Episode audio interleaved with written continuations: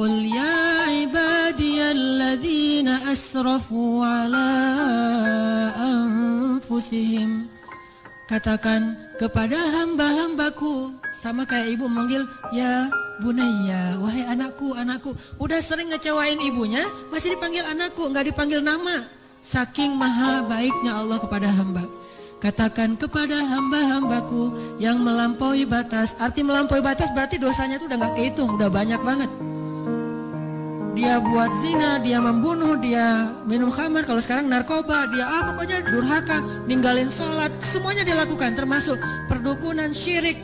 Apa pesannya? La taqnatu min rahmatillah. Jangan putus asa minta ampun sama Allah.